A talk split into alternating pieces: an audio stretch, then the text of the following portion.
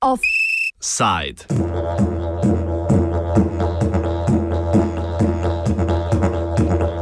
Lingvistični nacionalizem.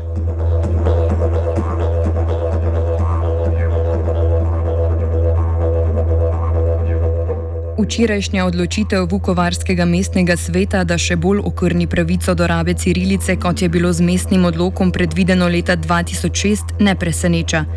Filozof Žarko Puhovski spomni, da je mestni svet na podlagi odločbe ustavnega sodišča moral do konca tega meseca sprejeti ukrepe, s katerimi bi opredelil rabo cirilice v mestni občini, spodbuda ustavnega sodišča pa je bila posledica poskusa nacionalističnega stožera hrvatskih branitelja Vukovara, da se do rabe cirilice v občini na referendumu opredelijo občanke in občani. Puhovski.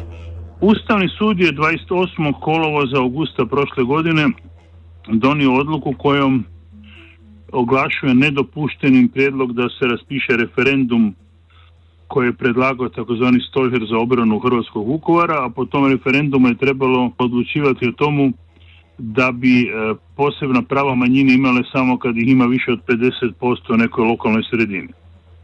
I nakon što je to tako odredio, Ustavni sud je kao drugi dio svoje odluke rekao da roku od godinu dana, to znači sada do kraja augusta kolovoza ove godine, e, Gradsko vijeće Vukovara mora donijeti odluku o tomu kako će se regulirati e, individualna prava e, pripadnica i pripadnika srpske manjine u Vukovaru.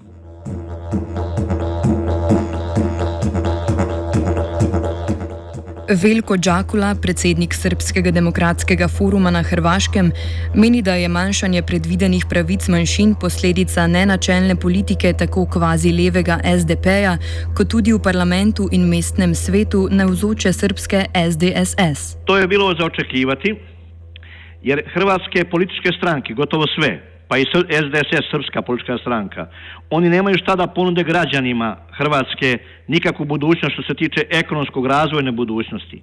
Pa onda idu na taj etnički i nacionalni sukob, na provokacije. To je bilo, kažemo, za očekivati jer HDZ na tome e, drži svoju tu nacionalnu ideju, da je čuvar hrvatstva i katoličanstva.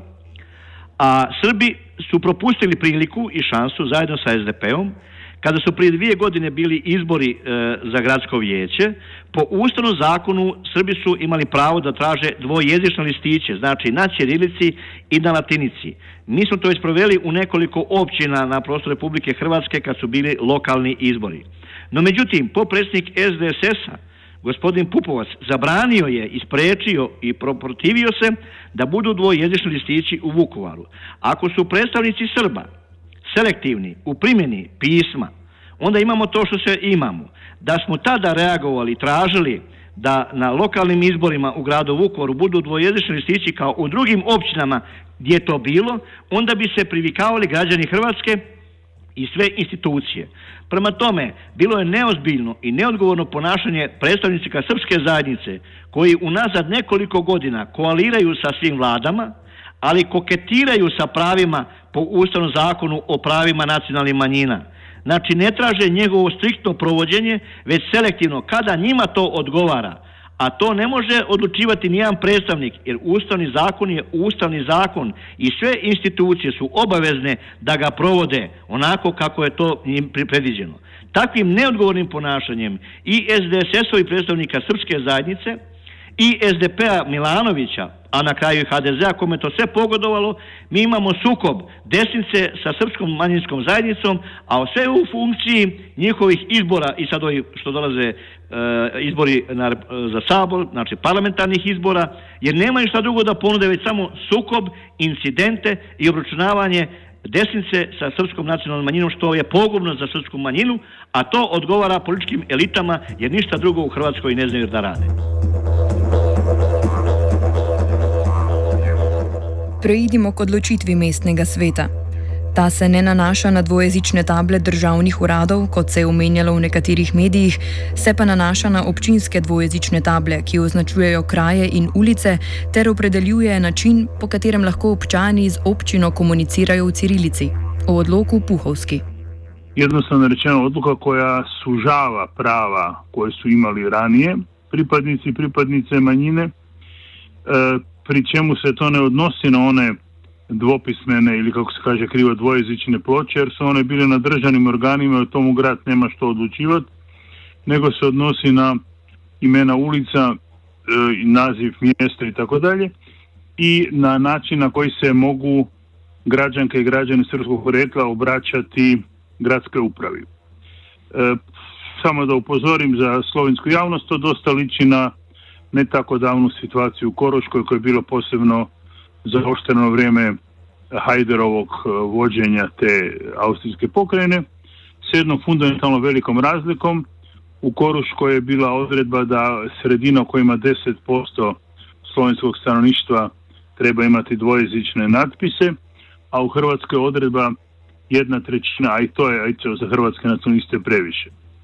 Dogodilo se dakle da su u ime tvrdnje da Vukovar treba posebno tretirati kao mjesto pijeteta, kao da je to groblje, a ne grad, zaključili da su ta prava prevelika, e, koji su bili ranije davana Srbima, a da paradoks bude veći, to su odluke koje su donesene 2009. prije šest godina i bilo bi logično da su međuvremenu šest godina više prošlo od kraja rata situacija bare malo opustila, ne da je još gora od uh, on koje je bilo prije šest godina, međutim tad su bili politički odnosi drugčiji. Džakula upozori, da je Vukovar le eno izmed mest in občin, kjer naj bi se spoštovala ustavno zagotovljena pravica do dvojezičnih napisov ulic in krajev in se kritično opredeli do namere premijeja Zorana Milanoviča, da to določbo realizira v mestu, od včeraj opredeljenem kot mestu pijetete.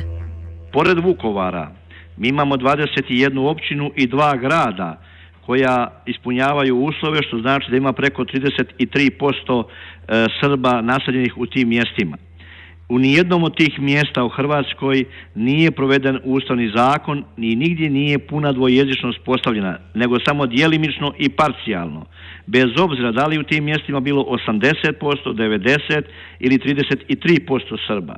Znači, institucije Republike Hrvatske nisu na tom području uopšte provele ustavni zakon o pravima nacionalnih manjina, a premijer Milanović kad je rekao da će to napraviti u Vukovaru, to je bila samo provokacija desnice da se u cijeloj Hrvatskoj oni dignu i počnu sprečavati e, postavljanje dvojezičnih natpisa kako u Vukovaru, tako i drugim mjestima.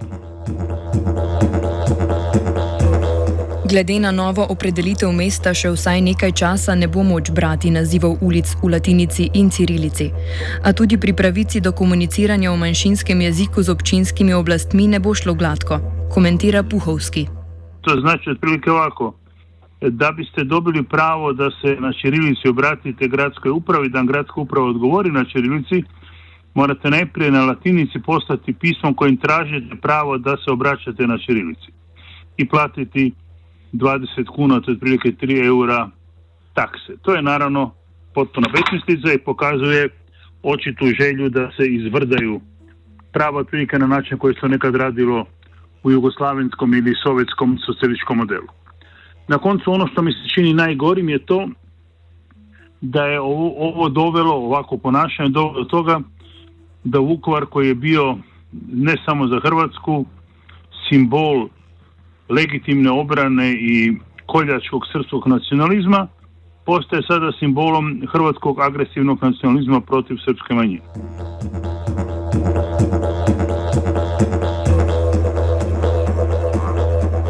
V obdobju, ko je ustavno sodišče stopilo v bran pravicam manjšin, se je v Vukovarju vzbudila ideja o vzpostavitvi skupne šole, ki bi obiskovali tako pripadniki večinskega kot manjšinskega naroda. Namero komentira Džakula. Još nije ta škola krenula. Ovaj, to je u planu da krene, ali još nije.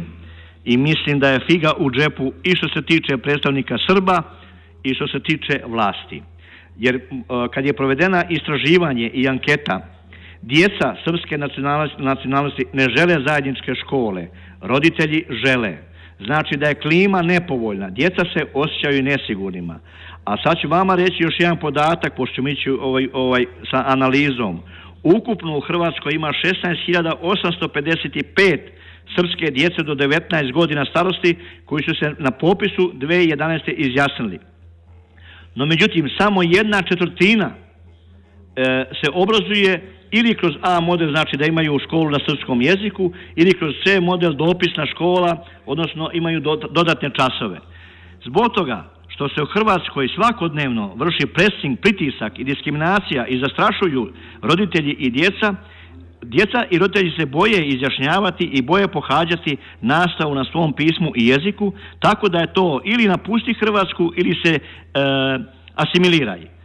U tom dijelu hrvatske institucije nisu dovoljno zaštitile i ta škola zajednička neće saživjeti u Vukovaru zbog ovog stanja i odnosa koje se događa u hrvatskom društvu. Kakšne možnosti ima srpska manjšina glede zagotavljanja z ustavo določenih pravic? Zaključi Puhovski. Predstavnici srpske manjine imaju pravo tražiti intervenciju Ministarstva uprave, odnosno vlade koja će, ako takvu odluku donese Ministarstvo uprave, podržati svoje ministarstvo i nakon toga će se vlada obratiti Ustavnom sudu tražiti od njega da donese pravorijek. To će trajati realno godinu dana.